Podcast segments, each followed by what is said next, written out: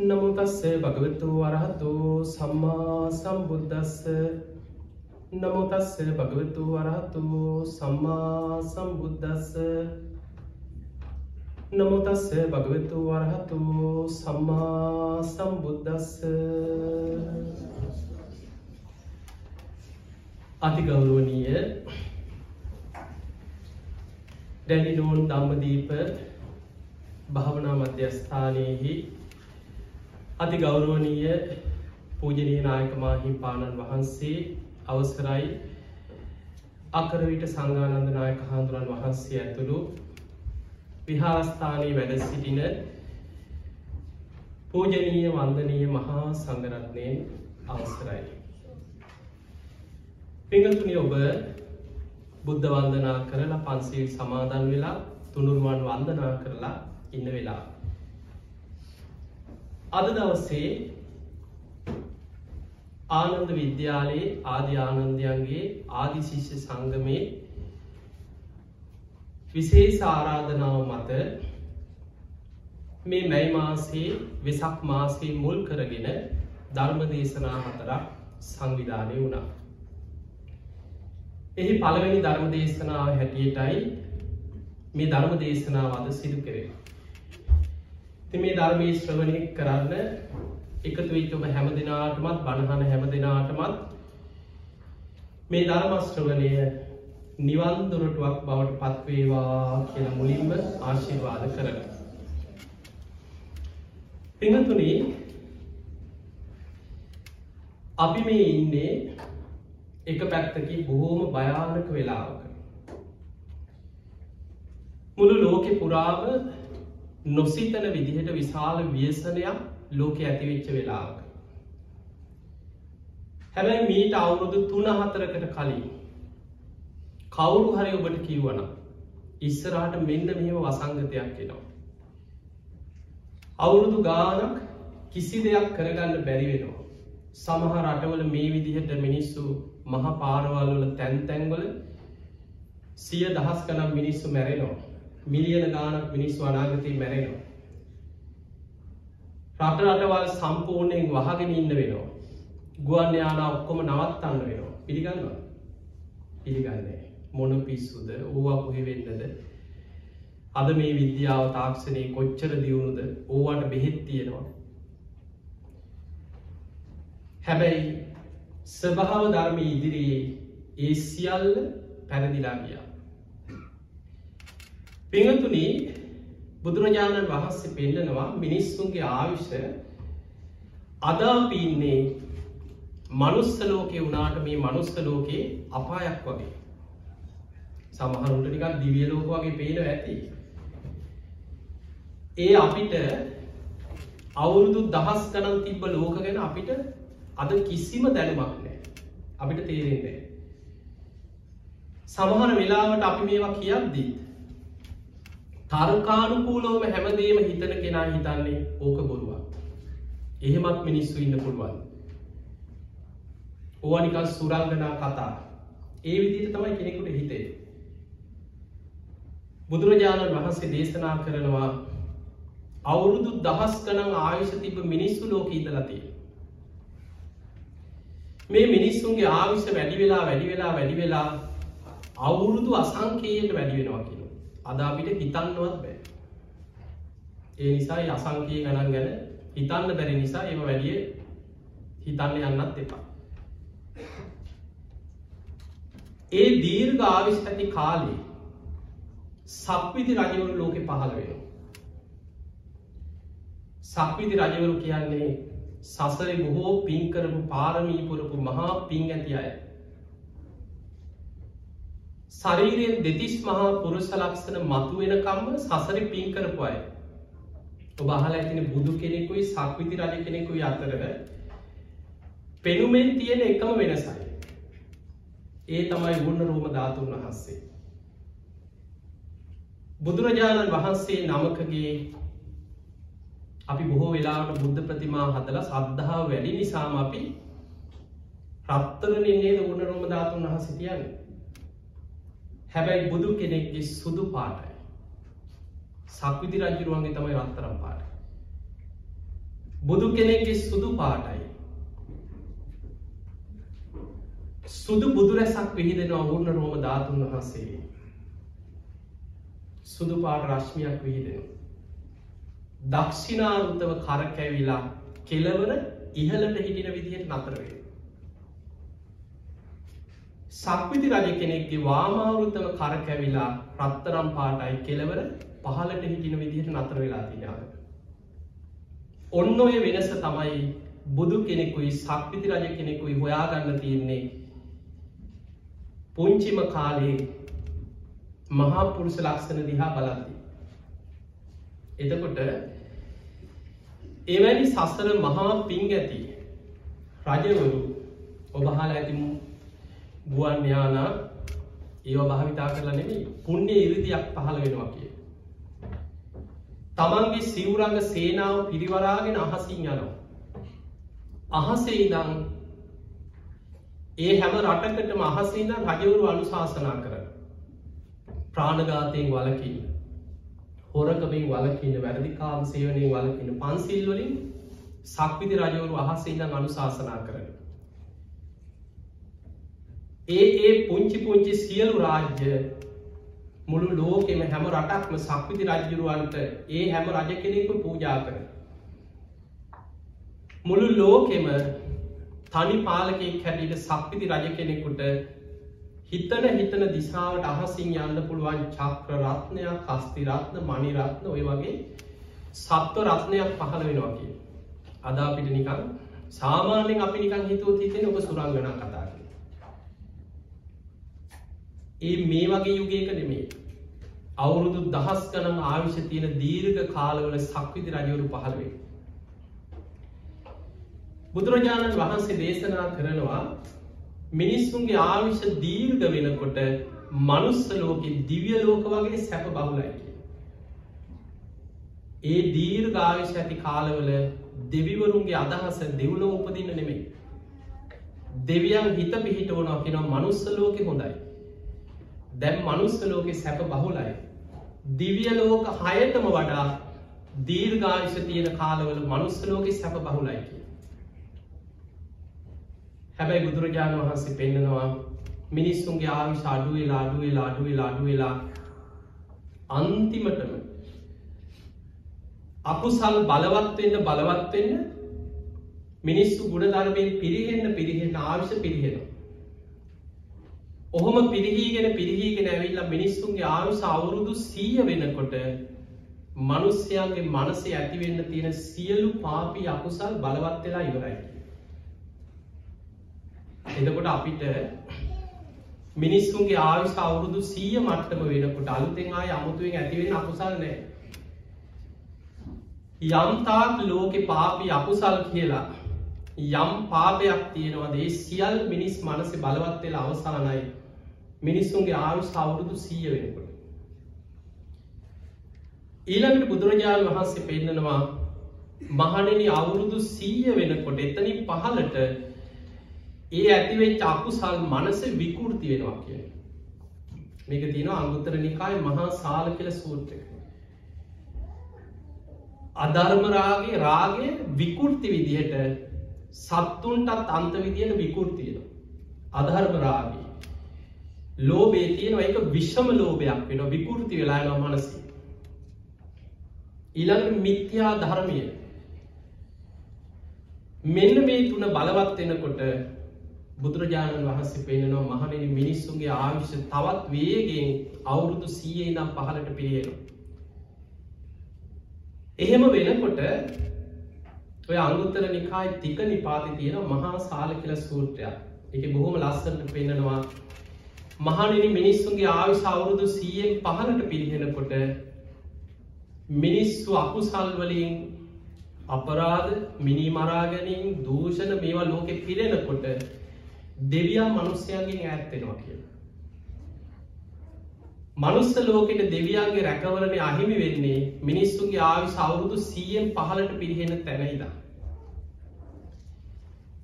එතකොට ඒ මහාසාල සූට්‍ර පෙන්න්නනවා අනාගතයේ විශාල විපත් තුනක් ලෝක වෙනවා කිය මේ බුදුහාන්දුර අනාගතය දැකපුයෝ. එකක් තමයි මිනිස්සු ආගම් වසයෙන් ජාති වසේ කුල වසයෙන් රටවල් හැටියට බෙදිලා අවියාවිද හදාගෙන එකනිකා මරාගන්න කාලයක් කෙනවා කිය. එදකොට ලෝකෙ ගත්තොත් කලාතුරකිව රටවල් කීපයක් කැරෙන හැම රටකම කොහේ හරි කැරලි කෝලහල මරාගන්නේව ශස්ත්‍රවාදී ප්‍රශ්න දේශ සීමාරවුල් හැම තැන ප්‍රශ්න. ඊළඟට අපිට නොපෙනෙන එකක් බුදු හාමුදුරු පෙන්වා. ඒ තමයි දෙවියම් මිනිස්සුන්ගෙන් ඈත්වෙනකොට සැඩ යක්ෂයන් මිනිස්සුන් අතරට යකුන් මුදා හරිනවා කිය. මේක මේ මං හදල කියන එකක් නෙමේ.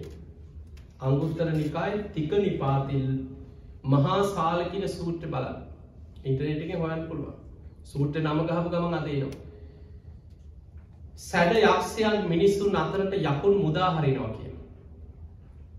එතකොට මහා දරුණු අමනුස්්‍යයන් යක්ෂයන් ගම් නගර ජනපද අමනුස්්‍යයන්ගේ ග්‍රහණයකට අනාගතය ලක්වෙනවා කිය. දෙවියන් අහක බලන්න. ඒ හේතු කරගෙන නොයෙක් විපත් ලෙඩරෝග ලෝකෙ පුරා වේගෙන් පැතිරෙනවා කිය.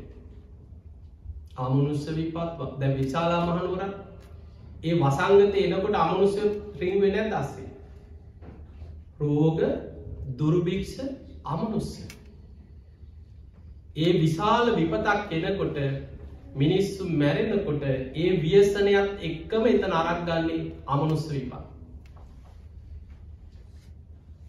එදකට බුදුරජාණන් වහන්සේ පෙන්න්නනවා මහාසාල අනාගත ලෝකයේ සිය දහස් කනල් ලක්ෂගනම් මිනිස්සු මී යනව කෙනව හේතු නිසා. තුන්ගනි කාරණය බුදුහාදුරු පෙන්න්නනවා මහා සාල දෙවියම් මිනිස්සුන්ගෙන් ඇත් එද්දී ස්වභාව ධර්මයට බලපෑම් කරන්න පුළුවන් දෙවිවරු මිනිස්සු ගැන කලකිරෙනවා කිය. දැන් අපි නොදන්නවා වුණාට මේ වැස්ස වහිනවා. දැන් නිකම් ඔබ කියන්න. වහින්න දෙවියන්ද වස්සන්න නෑ. ඔබ ඉගෙන ගත්ත දෙයක් ඇති ස්වභාව ධර්මයට අනු වහිනෝ. වැසි චක්‍රය කියල එකක් ඉගෙන ගෙනත් ඇති ඉස්සරන.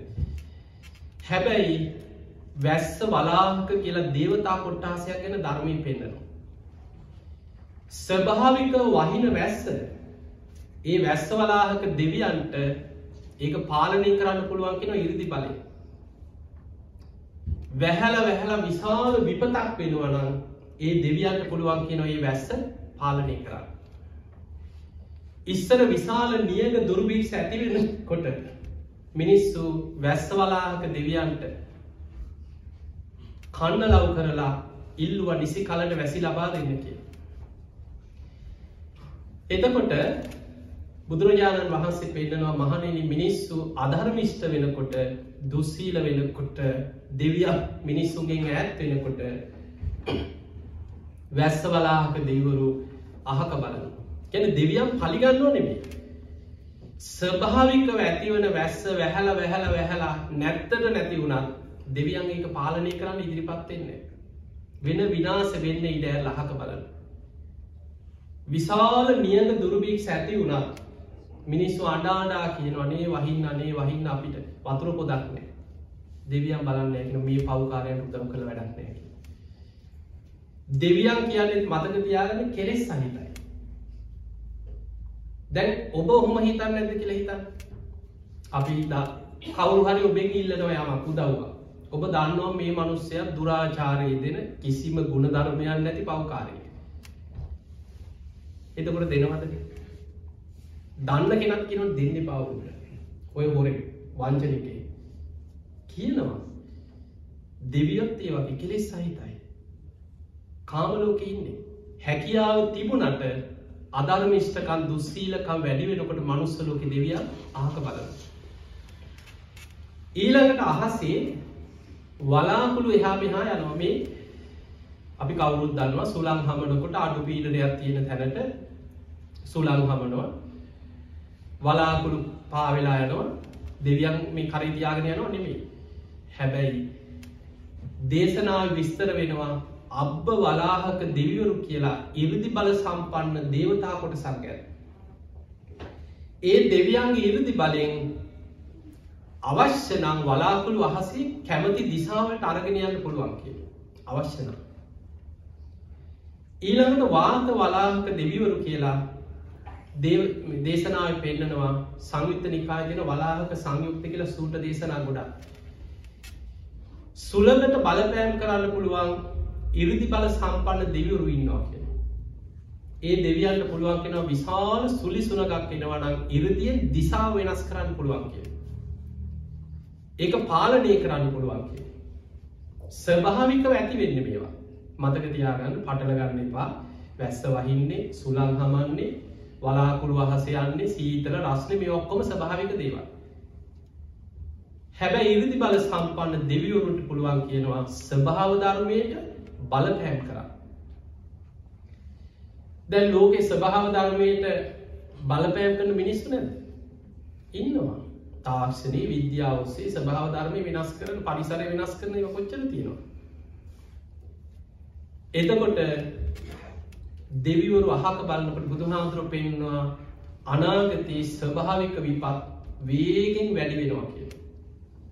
ගංවතුර භූමිකම්පා නායා සුලිසුලන් කුණාටු විපත් වැඩි වෙලා වැඩි වෙලා සිය දහස් කන ලක්ෂකනම් මිනිස් වනාගතය මැරෙනවා දෙවියන් අහක බලනවා කිය.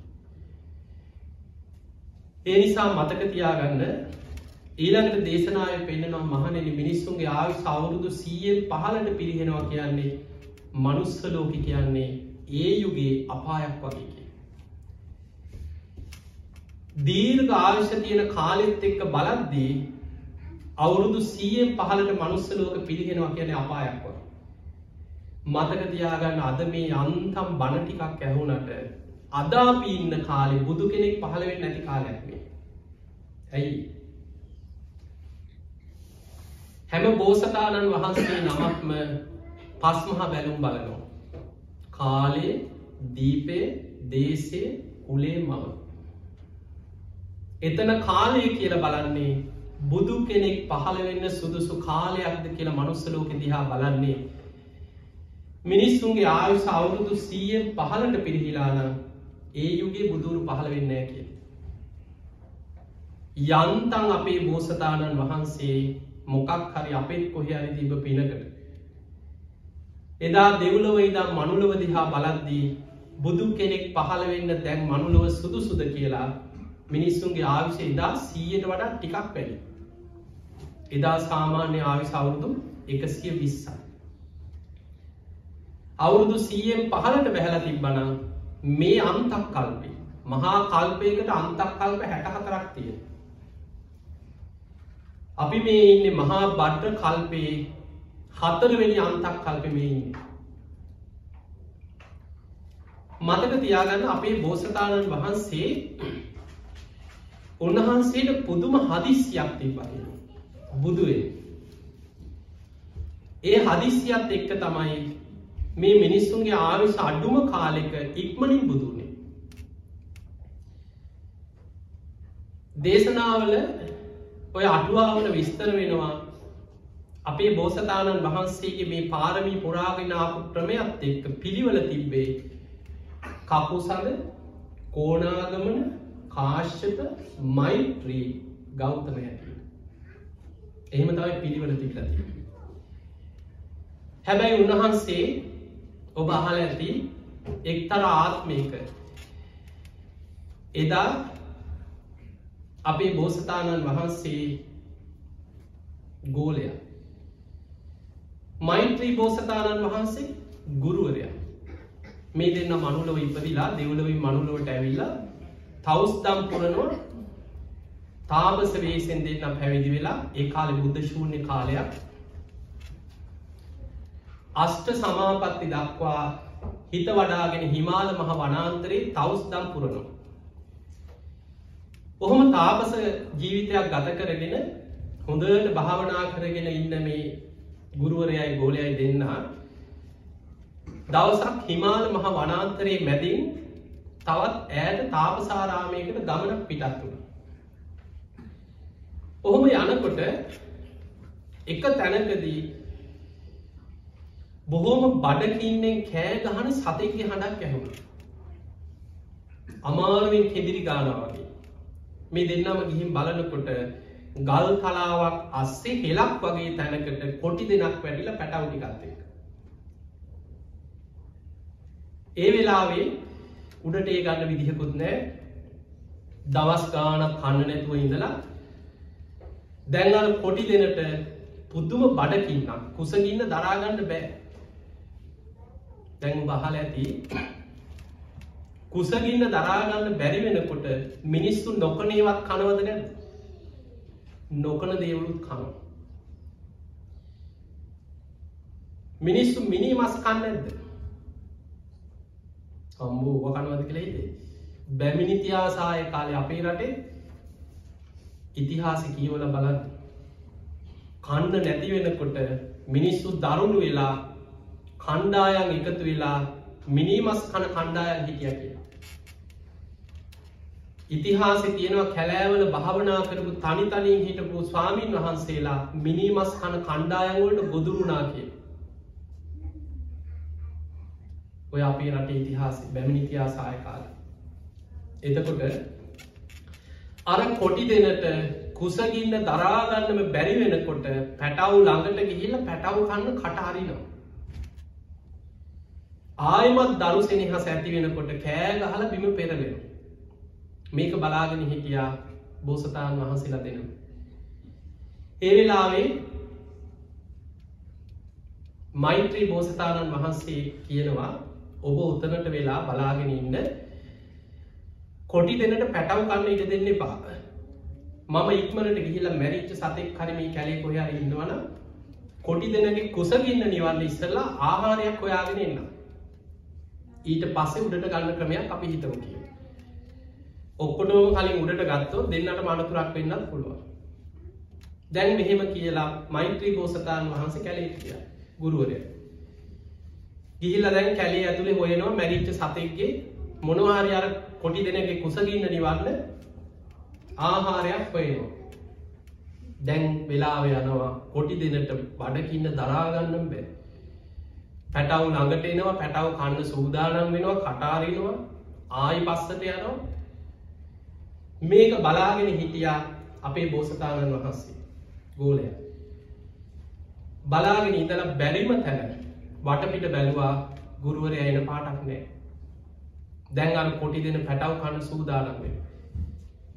ඒවෙලාවේ අපේ බෝසතාණන් වහන්සේ අධිෂ්ඨානයක් කරා මේ දීර්ඝ සංසාර ගමනේ දාන පාරමිතාව පාරමී උපපාරමී පරමත්ත පාරමි පරමත්ත පාරමී ගැන ජීවිත පරිත්‍යාගෙන් ජීවිතයේ පූජා කරගෙන ලෝතුරා බුද්ධත්වය පිරිසමම් පාරමී පුරලතිය. ඒලාවේ අධිෂ්ඨානයක් කරා කොටි දෙනගේ කුසගින්න නිවේවා මේ පැටවුන්ගේ ජීවිත ආරක්ෂාවේවා මගේ ජීවිතය පූජාවේවා මේ පිනෙන් මට ඉක්මනින් ලෝතුරා බුද්ධත්වය ලැබේවා කියලා පැන්න පල්ලයා තමන්ගේ ජීවිතය පූජ කර අර පොටි දෙනට. ටික වෙලාවකට පස්සේ මෛත්‍රී බෝසතාණන් වහන්සේ ගුරුවරයා ඇවිල්ල බලනකොට ගෝලය නෑ පල්ලෙහා බලනකොට අර තවස් පිරිකරවල කෑලි තියෙනවා ලේ තැවරිලා තියෙනවා. කාරණය තේරුම් ගත්තා. ඉරදි බල සම්පන්න තාපසේ නුවනින් විමසල බැලවා. ලෙස්සල වැටුනද ජීවිතය පරිත්‍යයක් කරා දැක්ක ජීවිතය පරිත්‍යයක් කරලා. ඒ වෙලා බැලුව සිතුවිල්ල දැක්කා. මගේ ජීවිතයේ පූජාවේවා මේ කොටි දෙනගේ ජීවිතය ආරක්ෂාවේවා මට ඉක්මනින් ලෝතුරා බුද්ධත්වය ලැබේවා කියල් ප්‍රාර්ථනා කර. ඒ වෙලා මෛත්‍රී බෝසතාණන් වහන්සේ දැඩි අධිෂ්ඨානයක් හිතට ඇති කරගෙන ඒ වෙලා ප්‍රාර්ථනයක් කරා ඉක්මන් බුදු බුදුඒවා කිය.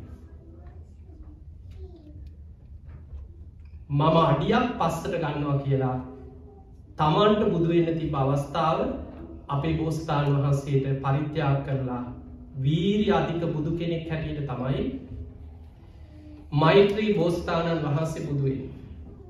ඒ නිසා තමන්ට ති බවස්ථාව අපේ බෝස්ථාන් වහන්සේෙන් පරිත්‍යාග කළ පස්සට ගියා කිය. එතකට ඔන්න ඔය සිදුවීම අපේ ඉතිහාසේනවා. දැන් ඔබ අහල ඇති මේ මහා බට්ට කල්පයේ පහළ වෙච්ච අනෙක් බුදුරජාණන් වහන්සේලා කකුසල බුදුහාම අපි මේ කාල්පය ගැන කතා කරමු කකුසල බුදු හාමුදුරුව ගැන අහලතිය ආයුෂ කීයක් කියල දහලතිය හතලිස්දා කකුසල බුදු හාමුදුරුව පහළ වෙච්ච කාලේ සාමාන්‍ය මිනිස්සුන්ගේ ආවිශ අවුරුදු හතලිස්දාහයකි එතකොට මේ මහා බද්ධකල්පයේ දෙවනියට පහළ වනේ කෝනාගමන බුදුරජාණන් වහන්සේ. උන්වහන්සේ පහළ වෙච්ච කාලේ ඒ කාලෙ මිනිස්සුන්ගේ ආවිශ කිය අවුරුදු තිස්දාහයි ඊළඟට තුන්වෙනියට පහළ වුණා කාශ්‍යප බුදුරජාණන් වහන්සේ. උන්වහන්සේ පහළ වෙච්ච කාලේ ඒ වෙනකොට මිනිස්සුන්ගේ ආවි සවරුදු විසිදා ඔබ දැන් සම්බුදු වන්දනා කරල ඇති. අට විසි බුද්ධ වන්දනා සූ විසි බුද්ධ වන්දන ඔව ගොඩා කරලා ඇති. එතකොට ඒ පෙර බුදුවරුන්ගේ ආවිශ ගැන තියෙන පොත්තේම කියෝල ඇතින්නේ මීට පෙර පහළවෙච්ච හැම බුදු කෙනෙක්ම අවුරුදු අසූදාහ හැත්තදාහ හැටදාහ හතලිස් දහ ආයුෂතිය අනාගතයේ බුදුවෙන මෛත්‍රී බුදු හාමුදුරුව පහළ වෙන්නේ මිනිස්සුන්ගේ ආයුෂ අවුරුදු කියද? අසූදාහය. කිසිම බුදු කෙනෙක් නෑ අවුරුදු සීයට ආසන්න කාලි බුදු වෙච්ච. අපේ බුදු හාමුදුරුව විතරයි අර ඉක්මනින් බුදුවෙන්න තිබ හදිසියත් එක්ක පාරමී සම්පූර්ණ කරලා මනුලෝට ඇවිල්ල මේ මහා බද්ධ කල්පේ හතරවෙනි බුදුරජාණන් වහන්සේ හැටියට ඉක්මනින් බුදුවනි. උන්වහන්සේ ගැන ධර්මී සඳහන් වෙන්නේ අල් පාවිශ්ක බුදු කෙනෙක් කිය. එහෙමනම් අපි සරණ ගියේ පෙර බුදුවරු එක සල කළ බලනකොට අල් පාවිශ්ක බුදු කෙනෙ. සාමාන්‍ය මිනිස්සුන්ගේ ආවි සවුරුදු එකසිය විස්සක් තියෙන කාලි තමයි උන්වහන්සේ ලෝක පහළවෙන්න. ඒ නිසා පිංගතුනී දැන් හිතන්න බුදු හාමුදුරුව පහළ වෙච්ච කාලෙ දැම් මේ විද්‍යාව තාක්ෂණය ඒ කාලෙ නිකං හිතමුක අපි. මීට වඩා දියුණුද නැද්ද? නෑන. මෙහෙම විද්‍යාව තිබ්බ නෑ. හැබැයි මිනිස්සුන්ට මීට වට ආවිශ තිබ්බද නැද බක්කුල හාමුදුරුව ගැන අපි අමත කරමකද උන්වහන්සේ ගැන අපි දන්නවා. සසරි පාරමී පුරලා නිරෝගි සම්පත්තිය වෙනුවම පාරමී පිරුව කියලා හිට ඒ නිසාප උන්වහන්සේ ගැන පැත්තකින්දිය අනුරුද්ධ මහරහතන් වහන්සේ අවුරුදු එකසේ පණහක් වැඩිදරතිය දිවස්ලාබීගෙන් අග්‍රම කෙන. ආනන්ද හාමුදුරු අවුරුදු එකසේ විස්සයි. මහාකාශක මහරහතන් වහන්සේ අවුරුදු එකසේ විස්සයි තුන්ගනි ධර්ම සංගායනාව කරපු මොගලීපුත තිස මහරහතන් වහන්සේ අවුරුදු එකසිය විස්සයි. විසාකා උපාසිකා අවුරුදු එකසිය විස්සා. දරුව විසි දෙනෙගේ අම්ම කෙනෙක් කිය.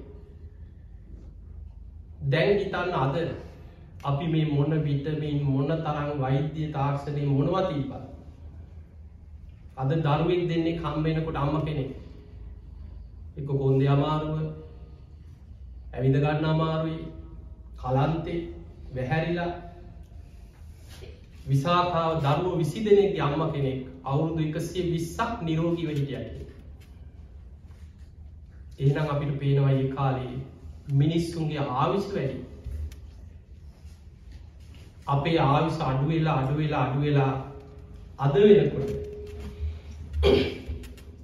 මිනිස්සුන්ගේ සාමාන්‍ය ආවිස අවුරුදු හැට හැත්තෑව හැත්ත පහ උනාස්කූෝ ඒ වගේ අතර තිය අවුරුදු හැත්තෑව අසූ අතර සාමාන්‍ය ආවිසක් අද අපිට තිය මේ ආවිෂ තව තවත් ඉස්සරහට අඩුවෙන දැන් බලන්න මේ වසංගතය දිහා බලන් තව කොච්චර කාලයක් ඉන්නවේදන්නේ ලෝක එක්ක බලද්දි යන්තම් මේ ඔස්ට්‍රේලියාවයි අපි වාසනාවන්ත නැත් කොහෙන් හරි මමත් බේරුනාමිය ලංකාවිටනම් මෙලාට හැදිලා එතකොට මොකක් හරි පිනකට මෙහෙ බේරුණා. ඔය නවසීලන්ත මේ රටවල් දෙක තුනයි බේරිලා තිය අද ලෝකෙ දියුණුවයි කියපු රටවල් කොච්චර අසරන්න කියලා හිතා යුරෝපය ඇමරිකාව කැනඩා එංගලන් ඒ රටවල් කොච්චර අසරණ වෙලා. තව අවුරුදු කීයක් මේ වසංගතයත් එක් අපිට ඉන්න වෙයි දැම් මේ හොයාගත්ත වැැක්සින් කීයක් ෆේල්ද ඒ නිසා අනාගතය ඔයිට වඩා දරුණු විපාත් වියසන ඒනිසා පිංහතුනි අප්‍රමාධීව ධර්මය දියුණු කරන්න. මේවා දකින්න දකින්න අපිට එකම දෙයයි පේන්නේ. අප්‍රමාදී වෙන්න ඕනේ. මරණ සතිය වඩන්න. නිතර මරණය ගැන සිහි කරන්න. කවදක් කොතන කොයි මොහොතේ මොන විදියට ජීවිතයේ අවාසනාවන්ත විදියට මැරෙන් වෙයි දන්න. මහා ධනපතියෝ ධන කුවේරයෝ බිලියනපතියෝ පැය කීපයක් ඇතුළද පැකට්ටේ කොත්තලා ඉටිකොලේක දාලා එක්ක වල්ලල පුච්චල දානකට. අර හම්බ කරපු ධනය දේපොල ව්‍යාපාර කිසි දෙයක් තමන්ට ගෙනියන්න ලැබෙනවා මුළු ජීවිත කාලෙම වෙහෙසිලා මහන්සියලා ගොඩනගපු දේවල් සියල්ල එහෙම තියලා යන්න වෙන එනිසා පිංහතුනි ධර්මය දියුණු කරන්න ලොකු උත්සාහයක් ගන්න. අපිට බොහෝම සරල තැනකින් ඔබට පුංචි දෙයක් කියල දෙන්නම්. ඒ තමයි බුදුගුණ මනසිකාරය. අපි මේ වෙසක් එක්ක වැඩ සටහන් කර නිසාමන් සද්ධාව පැත්ත වැඩිපුරම මතක් කරන්නේ. අටුවාවක එක තැනක සඳහන් වුණා මරණ මංචකයේ කෙනෙක් බුදුගුණ සිහි කරලා බුදුගුණ තුළ හිත පිහිටෙවූ කරපු දහසක් අකුසල් යට පත්වෙනවා කිය. අපිට ෂණිකව දැන් අමු සෝවාන් වෙලානම් මැරෙන්නේ අපිට මේ ඔය මොනුවත් අවශ්‍ය නෑ ඇයි? එයා කොහොම සතරාපායෙන් මිදිලා සෝවාන් වෙච්ච කෙනාට වසංගතින් මැරුණත් එකයි ලෙඩක් හැදිල මැරුණත් එකයි කවුරු හරි ගහල මැරුව. ගහල මරන්න බැයි දැ බිම්බිසා රජ්ජුරුව සෝවාන් වෙලා. වදදීල වදදීල නෙමේද මැරුණේ? යටිපතුල් පලලා කන්න නොදී හිර කරලා තියලා. ගිනි පොකුරුට ඉන්න ඇවිද්දෝල තමයි සෝවාන් වෙච්ච බිම්බිසා රජ්ජුරුවග මැරුවේ. මැරුණනේ මැරුණ හැබැයි අපාය වැටුත් නෑ ජනවසම කියලා දෙවි කෙනෙක් වෙලා ඉපතුන ධර්මය අවබෝධ කරගත්ත කෙනා මොන විදිහට මැරුණා මරණ මංචකයේ හතුරු වට කරගෙන මොනවා කිව්වා කොයි විදිහට මැරුණත් යාසුගති සමහ රහතන් වහන්සේලාගේ ජීවිතවල උන්වහන්සේලා ධර්මය අවබෝධ කරලා තියෙන්නේ උල උඩ උබහල ඇතිව කතා නොකළ වරදකට රජ්ජුරුවන්ගේ රාජාවරණ වගේ කොරකං කරගත්ත හුරු ටික කැලේ පැරලා දුවද්දී මේ කැලේ භාවනා කර කර හිට පහිසක හාදුර කෙනෙ උන්හස මාර්ග පල් ලබල හිටිනෑ වෙන උන්වහන්සේ පීනල් පීන මේ පොකුණක් තියෙනවා එතනට ඇවිල්ලා පැම් පහසු වෙනවා. සීවර ගනුල පැත්තක තිල පැම් පහසු වෙනවා. ඊට පස්සේ ගමට පින්න පාති වගේ. කැලේ කුටියක හිටිය. අර හොරු කැලේ දුවගෙන දුවගෙන යනකොට රාජපටය පස්සෙන් පන්නනවා වටපිට බැලව බේරෙන් අතක් නෑ. අර පොකුණ ළඟ තිබර ඉදි වගේ භාජනයක් තින පාත්තරේ මේක ඇතුළට ආබන්න දාලා සිවරෙන් වහල මු කැලි පැන්න දැන් අහුනත් බේරෙන්න්න පුළුවන්. ඒ කාල ඇගලිත සලකුණු ගන්නේ. මේ කැලේටාව මේ දර කඩන්න ඔොළුවන් කියල බේරේ දැ රාජපටය පන්නගෙන ඇවිල්ලා කැලේ පීරකට පීරකට එනකට දැක්ක මේ මහ කැලිය ඇතුළ මෙන්න රෙදි වගේ. භාජනයක් නැදල බලකට අර සිවරු අතර තින රාජාපනට වටපිට බැලවා. කවුරුත් පේනනේ බලන්නකට මෙන්න කෙනෙ පොකුණේ පීන පීන නානවා මෙහෙට වර කියලා ඇදලගත් ගගහ ඇදගෙන කියා දැන් බලන්න අහ කියන කරුම. එහෙම වෙන්න පුළුවන්. මේ ජීවිතය අපිට හිත අච්චර සිල්වත් හාමුදුරු කාටවත් කරදරයක් කරලනෑ මේ කැලේ භාවනා කරලා ඇයි මෙහෙම වුණේ අපි දකින්න ඒ වෙච්ච දේ විතරයි. පෙර සංසාර කර්ම විපාක අපිට පේන්නේ රජ්ජුරු ළඟට අරගෙන කිය රජ්ජුරුවන්ට ඉදිරිපත් කරා රජතුමනි මෙන්න බඩු මෙන්න හොරා. බඩුත් එක්කම හොරාල්ල ගත්තා කියව කැලේ රජ්ජුරුව කේන්තියෙන් හිටියේ. ඒ වෙලාම කීවා උල තියන්න දැන් අන ස්වාමීන් වහන්සේව අත් දෙක පිටි පස්සට බැඳල රතු මල් මාලාවක් දාලා කස පහල් දිදී නගරේ ඇදගෙන ගිහිල්ලා නගරේ මැද මිනිස්සු අඩපෙර ගස්සල මිනිස්සුන්ට පේන ඉසර වදදේ වැරදි නොකරන්න උලයින් දෙවා දැන් හිතන්න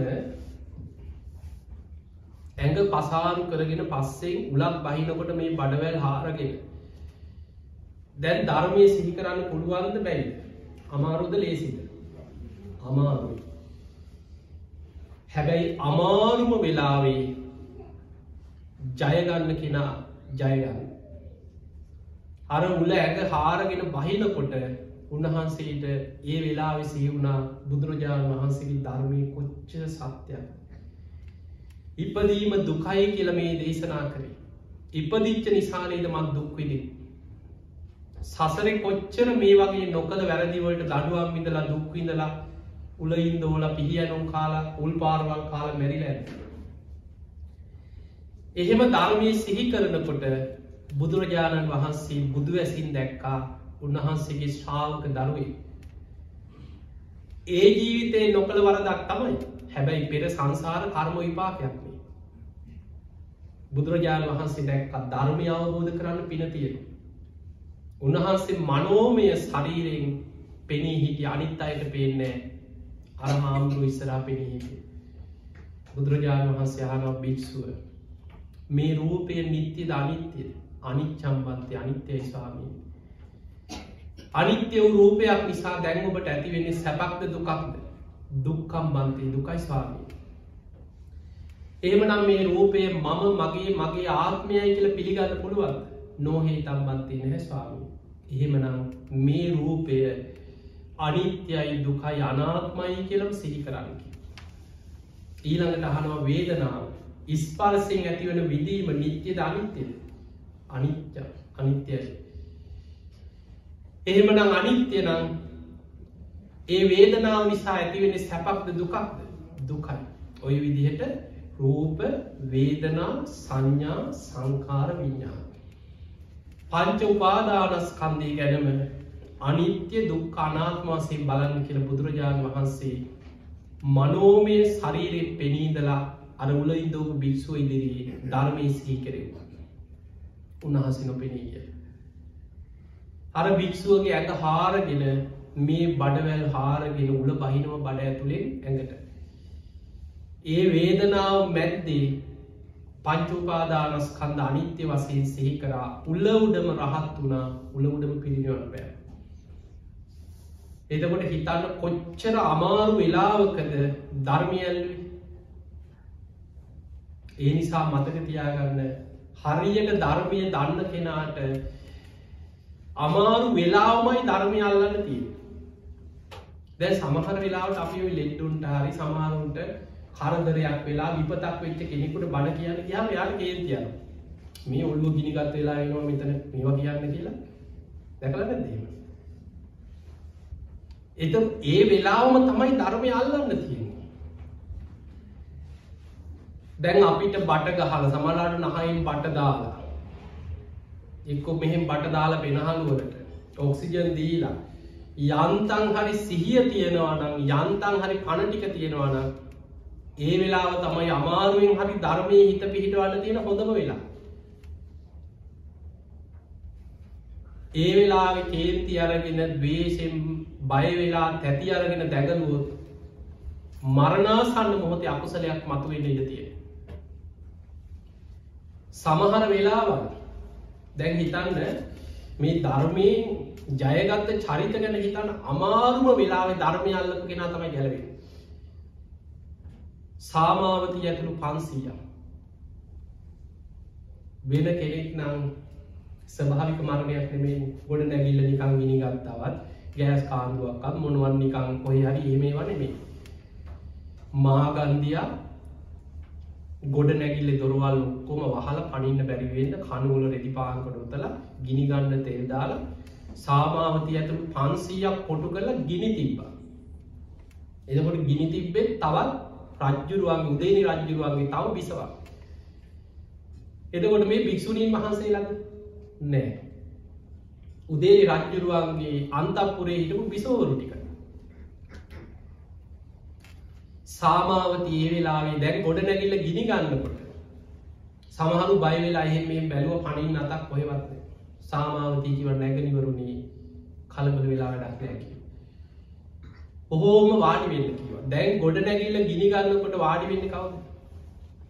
බේරෙන් අතක් නෑ කියල දැනග සාමාවතී කිව්වා නැගනිවරුණේ අපිට වටිනාම දෙයක් තියෙන ඒ තමයි බුදුරජාණන් වහන්සේගේ ධර්මය. මේ වෙලාව හිත රැක ගන්න කියව. දවේශ හිතක් ඇතිවුණොත් අපි පරදිනවා. ඒ නිසා මේ වෙලාව හිත රැක ගන්න. භාවනා කරන්න. මෛත්‍රිය වඩ. ගින්නෙන් පිච්චනකොට යම් වේදනාවක් එයිද ඒ වේදනාව අරමුණු කරලා වේදනානු සති වඩන්නකි. දැන් සතර සතිපට්ඨානය ගැමරින් ඉගෙන ගත්ත කෙනෙකුට තියෙනවා කායානු පස්සනා වේදනානු පස්සනා චිත්තානු පස්සනා දම්මානු පස්සන. වේදනානු පස්සනාව ගැන ඉස්පාර්සය නිසා උපදින විදීම ගැන හිත පිහිටවන හිත වඩන්න පුළුව. දැන් අපිට කයින් වේදනාවක් උපදිනවා. තුවාලයක් නිසා කිය ඒ වේදනාවවෙන්නේ කොහොමද. කයයි පහසයි විඤ්ඥානය නිසා වෙන කායික වේදනාවක් උපදින්න තැනක් නෑ ඇහැමුල් කරගෙන දකින රූපයක් නිසා වේදනාව ඇති වුණානම් ඇහැයි රූපයයි විඤ්ඥානයයි නිසාමයි ඒ වේදනාව උපදී. කවුරු හරි බනිනව ඇහිලා දුකක් ඇති වුණා. ඒ ඇතිවුණේ කොක්කොත් කණයි සබ්දයයි විඤ්ඥානය නිසාම ඒ ස්පර්සේ. එතකොට මේ ආයතන හයේ කායික වේදන අපිට බඩේ අමාරුවක් වෙන්න පුළුවන් මොකක්හරි ඉන්ජෙක්ෂන් කට්ටක් අයින්නකොට වෙන්න පුළුවන් ඇඟ ඇතුළෙන් වෙන්න පුළුවන් මොනවහරි කායික වේදනාවක් උපදිනවනම් උපදින්නෙම කයයි පහසයි විඤ්ඥානය නිසා. ඒ වේදනානු පස්සනාව හොදට වඩපු කෙනෙ. ඉස්පර්සය හිත පිහිටෝලා ඒ වේදනාවේ අනිත්‍ය මෙනෙහි කර. බුදුහාදුරු පෙන්නනවා දැම්මම් මේ කියන්නේ ටිකක් ගැලපේ නැතිවේ අමාරුව වගේ හිතන්න පුළුව නම් චුට්ටක් තේරුම් ගන්න අමාරුම වෙලාවෙ හිත පිහිටෝන හැකිවේ. ලස්සන දේශනාවක් තියෙනවා සාරිකුත්ත හාමුදුරන් බුදු හාමුදුරුපයනවා සාරිකුත්ත ඔබ පින්න පාත යනකොට මිනිස්සු ඔබට බණී කියනවා. ඒ බනිනකොට හිතන්න කියනවා කණයි සබ්දයයි විඤ්ඥානය නිසා ඉස්පර්සය ඇතිවුණ. මේ කනත් අනිත්‍යයි ඒ සබ්දෙත් අනිත්‍යයි විඤ්ඥානයත් අනිත්‍යයි. එහෙම හිතාගෙන විදර්ශනා වඩමින් ඔබ යන්න කිය. එතකොට මිනිස්සු බනිනකොට ඒකත් ධර්මාවබෝධයට ඔබට උපකාර කරන්න පුළුවන්. සාරිපුත්ත ඔබ පින්ඩ පාතයන්නකොට සමහර අන්න තීර්ථකයෝ නිගාන්ටය කොච්චරයි හිටිය බමුණු ගල්වලින් හරි ගහයි කියන ගල්මුකුරුවල. බැරි වෙලාවත් ගැහුවෝ පොල්ලකින් හරි ගලකින් හරි. ද අපිට ගහපු ගමන් අපි මොකද කරන්න එක පාට හැල්ල බලවනි කවුද ගැහුව අපි පුද්ගලය අවල්ලන්න බුදුහාදුරු කියන සාරිපුත්ත ඔබට ගල් පාරක් පොළු පාරක් වැදුන කවුරුහරි ගැහුවෝ හිතන්න කයයි පහස්සයි විඤ්ඥානය එකතුන. ඉස්පර්සින් ඒ විදීම ඇති වුණ මේ කයත් අනිත්‍යය ඒ පහසත් අනිත්‍යය. ඒ තුළ විදර්ශනා වඩන්න කියන. ගුටිකාගෙන වුණත් ධර්මාවබෝධයට හිත වඩන්න පුළුවන් කියෙන එතන. යො බොහොම අමාරු තැන් අපිට ඒ බුදුහාදුරු පෙන්ුවේ සාරිපුත්ත හාදුරුවගේ මහා ප්‍රඥාවන්ත කෙනෙකුට. එදකොට මේ ධර්මය හරියට අල්ලපු කෙනෙකුට අමාරුම තැනයිනවන එතනම තමයි ධර්මය අල්ලන්න තියෙන තැන. ඒ නිසා මතක තියාගන්න අපි ලෙඩවෙච්ච වෙලාවට අපිට විපතක්කාපු වෙලාවට අපිට කරදර එක පිට එක පිට එනකොට අපි සාමාන්‍ය කියන මේ හෙනගෙඩි පාත්වෙන වගේ පුදුම කරදරකොට ඒ කරදරම තමයි ධර්මය අල්ලන්න තියෙන හොඳම වෙලා. එතනදිම තමයි අපිට ධර්මය හිත පිහිටෝල ධර්මය අල්ල ගන්න තිය. තිය නිසා මේ අපි ගෙවන කාලි මේ ලෝක මේ ගෙවෙන කාලේ දැන් අපි නිකං හිතම අපි ඉතින් ප්‍රාර්ථනා කරවනේ අපිට එසේ නොවේවා කියල දැන් ඔබට ඔබ මේ බණහන්න ආවට ඔබේ මනස කොච්චර දුවන ඇද ඔබේ ඥාති ලංකාවන්න එක්කො දෙමව්පියෝ.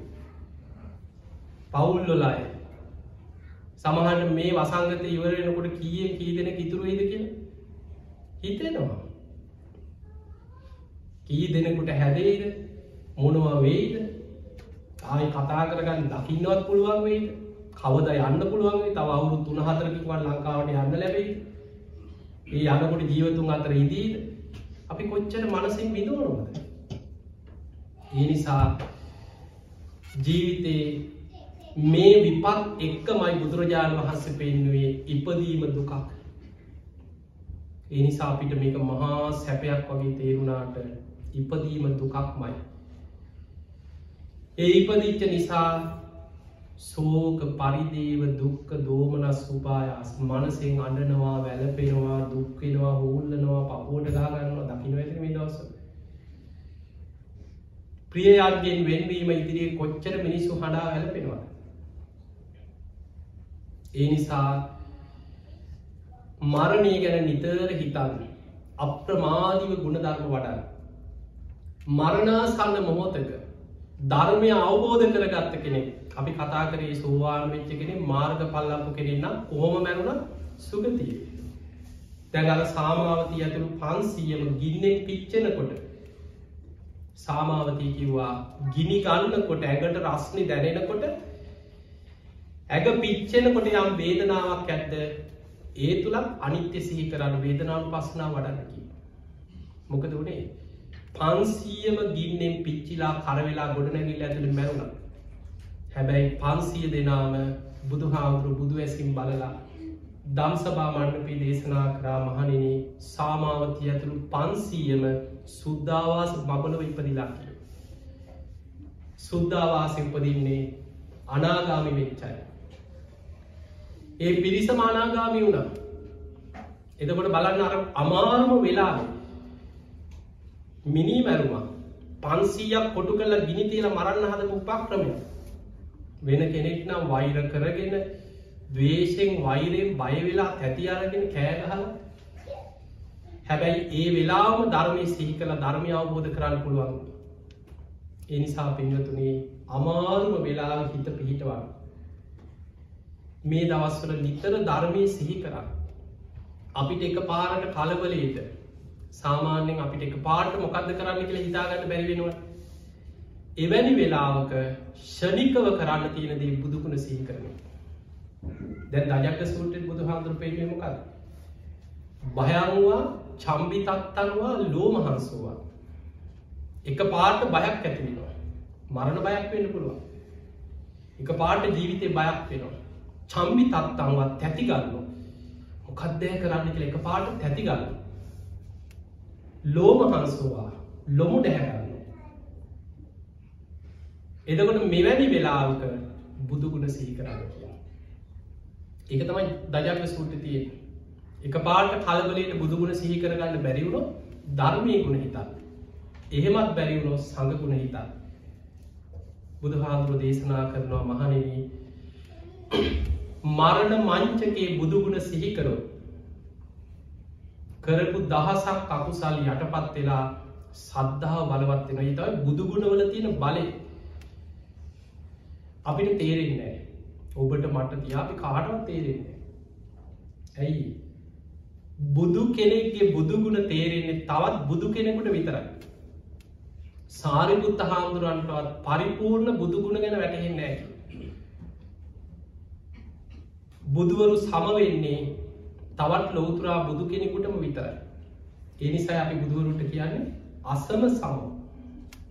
මේ ලෝක අනෙක් සියලු දෙනාය කසමානයි හැබැයි බුදු කෙනෙක් තව බුදු කෙනෙක් එක සමාන බුදුහාදුරු පෙන්න්නන මහනෙන ලෝතුරා බුදු කෙනෙක් කල්පයක් පුරාවට වෙන කිසිම කරුණක් දේශනා නොකර බුදුගුණම දේශනා කරනවා කල්පෙන කල්ප ඉවර වුණත් බුදුගුණ අවසන් වෙන්න ඇකි ඒනගති අපි දන්න මොනවද කියල හිතන්නකනේ?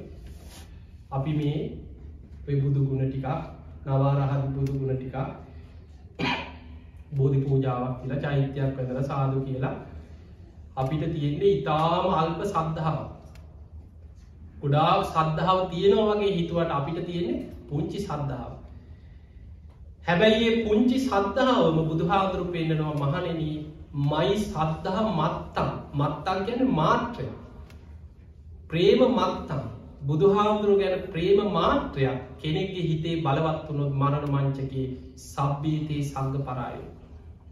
ඒ ටික මැති කියනවා අකුසල් යටපත් වෙලා සුගතියන්. ඒ නිසා අනිත්‍ය ගැන අපිට මරණාසන්න කෙනෙකුට සිහි කරගන්න හොඳයි කාලයක් අනිත්‍ය වඩලා අනිත්‍ය ගැන ලොකු අවබෝධක ඉන්න කෙනෙකුට. ගැඹුරු ධර්මින් කාලයක් වඩපු කෙනෙකුට ගහම්බීන ගැඹුරු ධර්ම කාරණා සිහිකරගන්න ලේසි.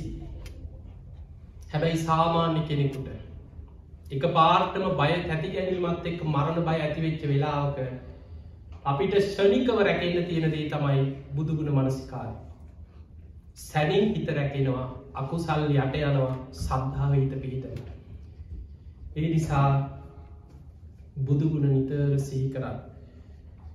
අපි දන්නවා සමහර අය අපි බුදුගුණ කියද්දි අප ගොඩාපයි මරණාසන්න අයළඟ අපි පිරි කියලා බුදුගුණ කියලා සමහර දවස් කන කතා නොකර එහෙම මැරුණා වගේ හිට පොයක දස් සමට මතකමයි කම්ම කෙනෙකුට පිරි කියන්න ගිය. ගියහමත් ඒ දරුව මේ කිව්වා අනේ හාදුරනි හාමුදුරු දවස දෙකට විතර කලින් කතා කරලා සම්බන්ධ කරගන්න බැරිවා. හාමුදුරුවම බැරිවුණ මන් දන්නම කෙනෙ නැත මගේම යන්නෙත්නෑ ඉතින් මන් දන්නම පුතේ තිගේ යම්මා කෝමරි ඉතින් හොඳට මමාර පිළිකාව හැරි චාම කෙනෙ ඒ මයි යනකොට ඇස්හරි නෙත්නෑ යන්තම් වතුර ටිකක් දීවට දාලා දිවතෙමනවා කකුළු සීතල වෙලා ඉතින් පණ ගිහිල් ලවගේ ඒ වෙලා විති මං ගිය නිසා ඒ අම්මට ඉතින් කනට කරලා ඉස්සල්ලාම බුදුගුණ ටිකක් කියීම ගිය නිසා බුදුගුණ ටික කියලා මං එකින් එක කිව්වා. අරහංගුණේ ගැන මෙහෙම ටිකක් කියලා මංකිව අම්මේ අම්ම සිහි කරගන්න නුවන් වැනිසෑ ජයශ්‍රී මහබෝධීන් වහන්සේ අම්ම මේ වගේ දැයි දරුවමටක අම්ම මෙහෙම පින් කරා මෙහෙම පින් කරාකි ඊට පස්සමං ඔය ටික කියලා පිරිත් චුට්ටකුත් කියලා ආයිත් මං කනට කරලා කිවා මේ බුදුගුණම හිතන්න බුදුගුණම හිතන්න. ඊට පස්සේ අම්මා අමාරුවෙන් යන්තක් කට ඇරලා එක මොකක් හරි වචනයක් කියන්න හදනවා.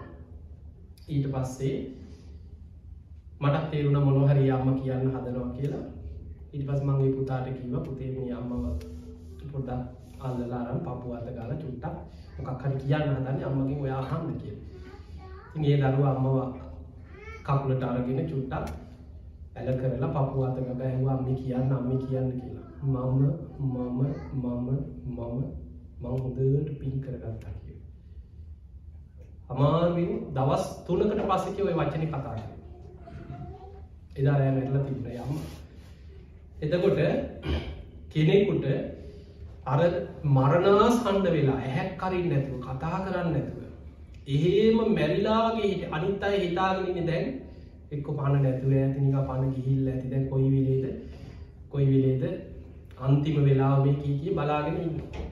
හැබැයි ඒ වෙලාවෙන් කණට කරලා බුදුගුණ ටික කියනකොට සැනින් කරපු පිනේ හිත පිහිටිය එනිසා මතක තියාගන්න ගොඩා අපේ මරණාසන්න අයළඟ ඉඳලා තියෙන නිසා තේරෙනවා සමහර කෙනෙක් මරණාසන්න වෙනකොට ඇස්සැරල ඇහෙන් දෙයක් කියන්න බැරිවී කටඇරලා ඔබට කතා කරන්න බැරිවී අත පය හොල්ලල මොනවා සංඥාදීගන්න බැරිවී හැබැයි හරියට වෛද්‍යවරයෙක් බලලා මෙයා දැන් මැරිලා කියලා හරියට නිගමනය දෙනකං එතන හූතියතිය දගලන්න යන්න එපා. කෑ ගහගෙන අම්මේ දාලයන්න එපෝ අපි කොහොමද ඉන්නේ ගහගෙන ඇඟට පැන්නොත් එහෙම. සමහර වෙලාවට අපි කියන එක ඇහෙනවා. ඒ වටේ ඉන්නගෙන අනේ මැරලද දන්න දීනැතුනා දන්නෑ මොනුවක්නක් දන්න කිය වටේ ඉන්නගෙන ඒ කියන ඒවා සමානයට කනින් ඇහෙනවා. ඒ නිසා ලක් ඔබට තේරුම් නැතත් කිසිම සංඥාවත් දැක්වේ නැතත් බුදුගුණ ටික කියන්න. කරපු පිනක් මොනවහරි තියෙනවන සිහි කර. අම්ම බොහොම සද්ධායෙන් අපිටම දබදිය වැන්න කළ ඒවසී කර. ඒ වගේ කවුරු හරි මරණාසන්න කෙනෙකුට මොකද අපේ ජීවිතයේ තීරණාත්මක තැනතම යොත ඇත්තටම ගත්තෝ ඕන කෙනකින් ඇහූ ඇයි බණහන්නේ ඇයි පින්කං කරන්න? මොකක් දරමුණ අනේ කොහොමරි සූවානුවත්වෙන්න ඕනේ. කොහොමහරි සූවාන් වෙන්න ඕන. කියනවද නැ කියනවා. ඒක හොඳයි. ඒ අරමුණ අපි කාටත් තියෙනවා. හැබැයි අපේ ඥාති අම්මල තාත්තල ආච්චිල සියලත් ඕක කිය කියා පන්සල් ගාන ගියා භාවනා කරන්න ගියා පින්කං කරා වන්දනා කරා. හැබැයි මැරෙන තරම මැරණ ඔක්කොම සුවාන් වෙලාද මරණය ඉස්සර වෙන්න පුළුවන් කොයි වෙලේ හරි. ඒ අරමුණේ ඉන්න එක හොඳ ඒ අරමුණේ වීරිය වඩාගෙන අපි යනකොට අපි දන්නේ මරණ ඉස්සර වෙන්න පුළුව මරණාසන්න මොහොතක පුතජ්ජන මට්ටමේ මරණාසන්න වෙන කෙනෙකුට ආසන්න කර්ම කියන්නේ ඉතාම තීරණාත්මකයි. අන්තිම මොහොත එතන බය කරලා අඩලා හූතියලා දෙවනක් කරලා අසරණ කරොත් ඊට පස්සේ අපි ඕටියක මිනි පෙටියක් ගෙනල්ල මැනික් ගල්ල තුරල වැැලුවත් සුගතියවන්න පුළුවන් හාමුදුරු දාහක් පඩම්මල විශාල පාන්සු ගුලි කරනවා. ඒකෙන් සුගතියාන්න පුළුවන්. සමට මෙහි පාන්සකූල් දෙනකොට එහෙ ලෝදිය කොනවා ඇයි? බුදුහාපුරු පෙනවා යථාපතන් නික්කිත්තෝ ඒවන් නිරේ. අපා යන කෙනා මේ හත් දවසක් කැරකි කැරකින්දලා එහෙම යනවා නෙමේ හිසේ තිබ්බ බරක් අතහැරිය වගේ. මෙහෙන් චුත වෙනකොටම ප්‍රතිසන්දිහිත චිත්තක්ෂණයයි වෙනස. ඒ සැනෙන් අපාය නිරි සතෙක් වෙලා පහළවෙන ඒ නිසා මරණාසන්න මොහොත වරදින්න පුළුවන්. පෘතජ්ජන මට්ටම භයානකයි. පොඩි බයක් නෙමෙයි. ධර්මාසෝක රජ්ජුරු අපි ගැන කවර කතාද අසූ හාරදාහක් වෙහෙර විහාර හදලා තමන්ගේ එකම පුතා පැවිදි වුණා රහත් වුණා මීතු මහරහතන් වහන්සේ. තමන්ගෙදුව සංගමිතා රහත් භික්‍ෂුණිය. මුණගුරා සුමන සාමනයරයන් වහන්සේ. තුන්ගනි ධර්ම සංගායනාව කරා. දාහක් රහතන් වහන්සේලා එකතු කළ ඇසුරු කරින් මොගලී පුත තිස මහරහතන් වහන්සේ. ලෝක රටවල් ගානකට ධර්මය ව්‍යාප්ත කරා. පින් පැත්තෙන් ගත්තොත් අපි කරන පිනුයි ධර්මාසෝක රජ්ජුරුව කරගත්ත පිටිකයි හිත හැබැයි පුතජ්ජන භාවය කියන්නේ මරණාසන්න වෙලාවේ අර ළඟ හිටපු පවල් සලන මනුස්සය. පොඩි තැනක් ඇති වරදි. ඔහු එක කේන්ති ගියා දවේශය බලවත් වනා කරපු පින් කුසල් යට ගියා. අන්තිම මොහොතේ ආසන්න අකුසලේ බලවත්වුණ දින කීපයකට හරි දුගතිී වැට ඒ නිසා ඔබ එක පැත්තකින් ලෝකෙ වාසනාවන්තයි. ජීවිතය අපි මනුස්ස ජීවිතය ලැබුව. බුද්ධ ශාසනය මුණ ගැවුණ මේ වගේ යුගයක ලෝකෙ ශාසනය දැම් බැබලෙන කාලෙ මේ පිළිහිගෙන යන කාලෙ එන්නේ අනාගතයේ මිනිස්සු ගුණධර්මයෙන් පිරිහෙනවා කියන්නේ ශාසනය පැබලෙන වනෙමේ විශාල විහෙර විහාර හැදයි. විශාල පින්කං කෙරේ විශාල පෙරහැරවල්යයි හැබැයි ඒ අතරම පෙරහැරවල් වල මහා හොරු යයි. විශාල පින්කං වලින් විශාල ගසාකෑන් යයි. ඒක තම එන්න එන්න වෙන්න ඉස්සර ශාසනය බැබලෙන වගේ ඒ නිසා ශාසනයේ නාමෙන් නොයේ විකෘති දේවල් ගොරකං වංචාවල් ලෝක පිළිපිරි යයි. ධර්මි පිරීලායයි එනිසා අපි එක පැත්තකින් වාසනාවන්තය අද බණ පදයක් ඇහෙන රටක. අද මෙහි පතිරූප දේශයක්. ඇයි? පතිරූප දේශයක් වෙන්නේ ධර්මය දියුණු කරන්න පුළුවන් පරිසරයක් තියෙන ස්වාමීන් වහන්සේ අපට ඉන්නවා. පන්සල් කියක් තියෙන බණ ඒ මොනව නැතත් අද YouTube එක බලන්න දවසකට සමහරවෙන දවසම එක බණ තුන හතර දේීන කොච්චර බලහන්න පුළුවන් සමහරලාවට අපිට ඒ හාමුදුරු ජීවිතයට දකින්න බැරිවි සමාට හොඳට භාවනා කරපු කැලේම හිත වඩාගෙනන්න ස්වාමීන් වහසෙනවා කවුරු හරි ගිහිල්ලා බණක් හරි රෙකෝඩ් කරලා එක ලෝකෙ මයිට අහන්න සලස්සනවා. අද ධර්මය අල්ලන කෙනෙකුට ත්‍රිපිටකේ බාස ගණනාවකින් ලෝකයේ කියවන්න පුළුවන්. මහා කාලයක් මේ මීට අවුරුදු පහලෝකට දාසයකට මම පැවිදිල අවුරුදු දහනමයක්. ඒ මුල් කාලේ අවුදු විස්සකට දහනමයකට කලින් අපි වනත් පොතක් කියෝනකට අර ත්‍රවිටක පොත් පනස් හතරක් තියෙනවා. අටුවා ඔක්කෝම සමහර එක සූත්‍රයක් හොයාගන්න පැය ගානක් අර පොට්ටික ඔක්කෝම් පෙරලනවා. සමහලට පැය හතර පහක් කියල සූත්‍ර හොයාගන්න බෑ. ඊට පස්සේ වචන කාගෙන් හරි හාමුදුර කෙනකින් ගහන ඊට පසකිනව සංයුත්ත නිකාය පෙරල බලන්න. ඒක වගේ මතකයි සංයුත්ත නිකායතන සූට දේශනා අටදස් නමසිය ගාන. අර අටදස් නමසිය ගානම හොයන්න ඕනේ සූත්‍රය හොයාගන්න. ඊට පස්සේ කායි හරි හපාගෙන ඕක අංගුත්තර නිකාය තිබ්බකින්න අංගුත්තර නිකායතින සූට දේශනා නම දස්කා අද එහෙම නෙමෙයි. අද සූත්‍රය නම ගහපු ගමන් සූට්‍ර උඩට එනවා අද ඇත් හදල තියෙනවා. ඒ සූට්‍ර තියෙන එක වචන ගහපු ගමන්ගේ වචන තියෙන සූට්‍ර ටික ඔක්කොම් පෙළට උඩට එනවා.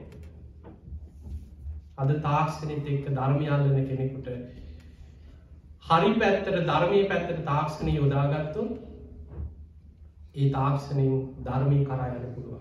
තිය නිසා අපිට ලෝක වෙනස් කරන්න බෑ. ලෝකෙ දවසින් දවස විශාල විපතකට විනාසයකට පරිහානියකට පිරිහීමකට ලෝක යන කාලය. ඒ පිරිහීම දිහා බලාගෙන අනේ අපොයි කියලා ඕක දිහා බලාගෙන ඉඳලා තවත් වෙන්නේ අපිට ගුණ ධර්ම වඩාගන්න තියෙන එකක් නැති වෙලා අපේ හිතට පසු තැවීම් ගොඩාක් කෙනවා ඒ නිසා මේ වෙලාවේ අප්‍රමාදීව ධර්මී දියුණු කරන්න උත්සාහයක් ගන්න. ති මේ වෙසක් සතිය වෙසක් මාස ඉදිරියට එන්න වෙසක් දින කීපේ යල්තම් කොහොමාරි ඔබට මේ රටේ මේ වෙසක් කෙනකොට පින්කන්ටිකක් කරගන්න වාසනාව ලැ දැ බලන්න දෙදස් දහනොමේ ලංකාවේ අපේල් විසිකොයි පාස්කු බෝමි ගැහවට පස්සේ වෙසක් පොසොල් නැසල තුනම නැතිවුණ දෙදස් දානම අපේ ආයතනවට ඉදා පොලිසිය දාලා හමුදාව දාලා එන මිනිසුගේ බෑක් චෙක් කර කර පින්කම් ඔක්කොම නැතිවුණා මිනිස්සු බයිට ස්කෝල මුර කර කර ඒම හිටිය මාස ගාන ගියවුරුද්දේ වෙසක් පොසොල් නැසලෙනකොට රටම ඇදිරි නීතිය දාලා ලොක්ඩවන් කරලා තිබ මේ අවුරුද්දේ පිට පිට තුන්ගනි වතාවට ලංකාය වෙසක් එනකොට ආයමත් වේසනී බලවත්වන හැබැයි ඔබ මේ රටේ කොහොමහරිකට මේ මොකක් හරි පිනකට මෙහෙම හරි එකතු වෙලා බණ ටිකක් අහන්න වාසනාවක් හිතට බයක් නැතු බණ ටිකක් අහන්න තියෙන තියනි සාමයකින් ප්‍රයෝජනය ගන්න තුම හැම දෙනාටම අපි ආශීර්වාද කරනවා මේ ලැබිච්ච මනුස්ස ජීවිතය දවසින් දවස මොහොතින් මොහොත ෂනීන් ෂනය ගෙවිගෙවී යනවා. අපි දන්නේ නෑ කවදක් කොතන කොයි මොහොතේ මොන විපතෙන් අපේ ජීවිතය නැතිවෙයි. සමහර අයගේ පවකාරකන් කියන්නේ. ඔබ බලන්න ඉන්දියාව සමහරයි ඒ රෝහල් වල සමහත් මැරෙනවා. දැඩි සත්කාරයක්කො ගින්නකි පව් දකින්න නැති ඒ ස්පිරිතාලෙක්කො ගින්නා. අර පනෑද ඇද ඉන්න ලෙට්ටු මැරෙන්නේ කොරුණාවෙන මේ ගින්නෙන් පිච්චිලා. තවරෝ හලක වාට්ටුවක ගෑස් අර ඒ ඔක්සිජන් ටැන්කි වගේ පුපුරල. පහලක් විසන් මැනව ටැන්කි පුපුරල. මොකක් හරි විපදා එක්ක රෝහල් ගොඩ නැගිල්ලා කඩාගෙන ඇත ඒ කරුම මොන්න පැත්තෙන් හරි කැරකිලා ඒ නිසා අප්‍රමාදීවෙන් අප්‍රමාදීව ධර්මය දියුණු කරන්න. ඉතින් එහෙම නොබ හැම දෙනාටමත් උතුම් සද්ධහාදී ගුණ ධර්ම දියුණු කරගෙන ධර්මීම අවබෝධ කරගන්න ධර්මීම දියුණු කරගන්න වාසනාව ලැබේවා ලැබේවා ලැබේවා ශිරවාද